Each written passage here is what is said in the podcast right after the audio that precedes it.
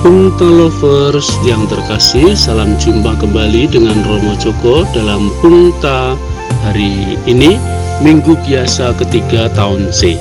Diambil dari Injil Lukas bab 1 ayat 1 sampai 4, bab 4 ayat 14 sampai 21. Renungan kita berjudul Kitab Suci Sumber Sukacita. Suatu saat saya turne ke suatu stasi untuk misa. Lektor dengan mantap membaca bacaan pertama. Di mimbar dia membaca begini. Bacaan pertama, pembacaan dari surat Rasul Paulus kepada umat di Filipina. Saya terperanjat kaget.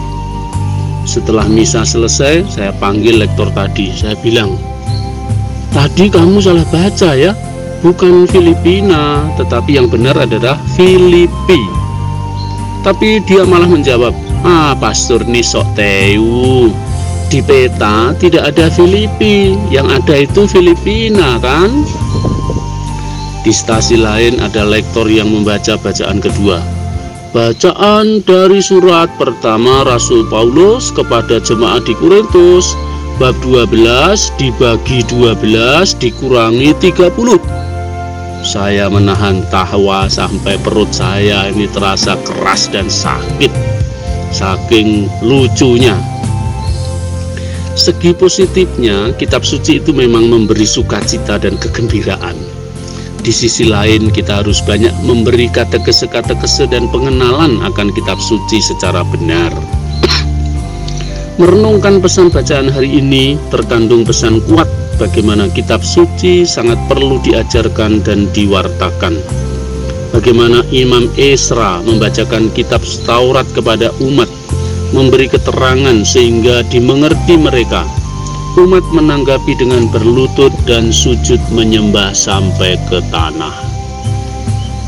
Di bagian awal Injilnya, Lukas menceritakan bagaimana ia mengumpulkan peristiwa-peristiwa hidup Yesus dari saksi-saksi ia menyelidiki dengan seksama, lalu menuliskannya supaya pembaca makin mengenal siapa Yesus sesungguhnya.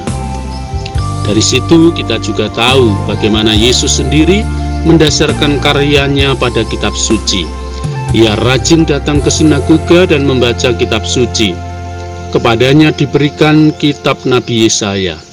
Setelah membacanya, ia tegas bersaksi, pada hari ini genaplah nas tadi sewaktu kamu mendengarnya.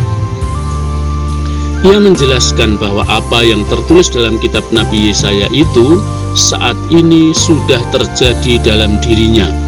Ia hadir untuk memberitakan bahwa tahun rahmat Tuhan telah datang. Jadi ada tiga tahap yang seharusnya kita lakukan, yakni membaca kitab suci, menyelidiki dengan seksama dan menggenapinya atau mewujud nyatakan sehingga isi kitab suci itu menjadi terlaksana. Kadang kita membaca saja malas. Akibatnya kalau disuruh jadi lektor ya salah-salah, sasar susur, macam-macam lah. Kita tidak perlu takut dan ragu untuk membaca kitab suci Meskipun tidak paham dan tahu maksudnya, rajinlah membaca. Roh Kudus nanti akan membimbing dengan caranya sendiri.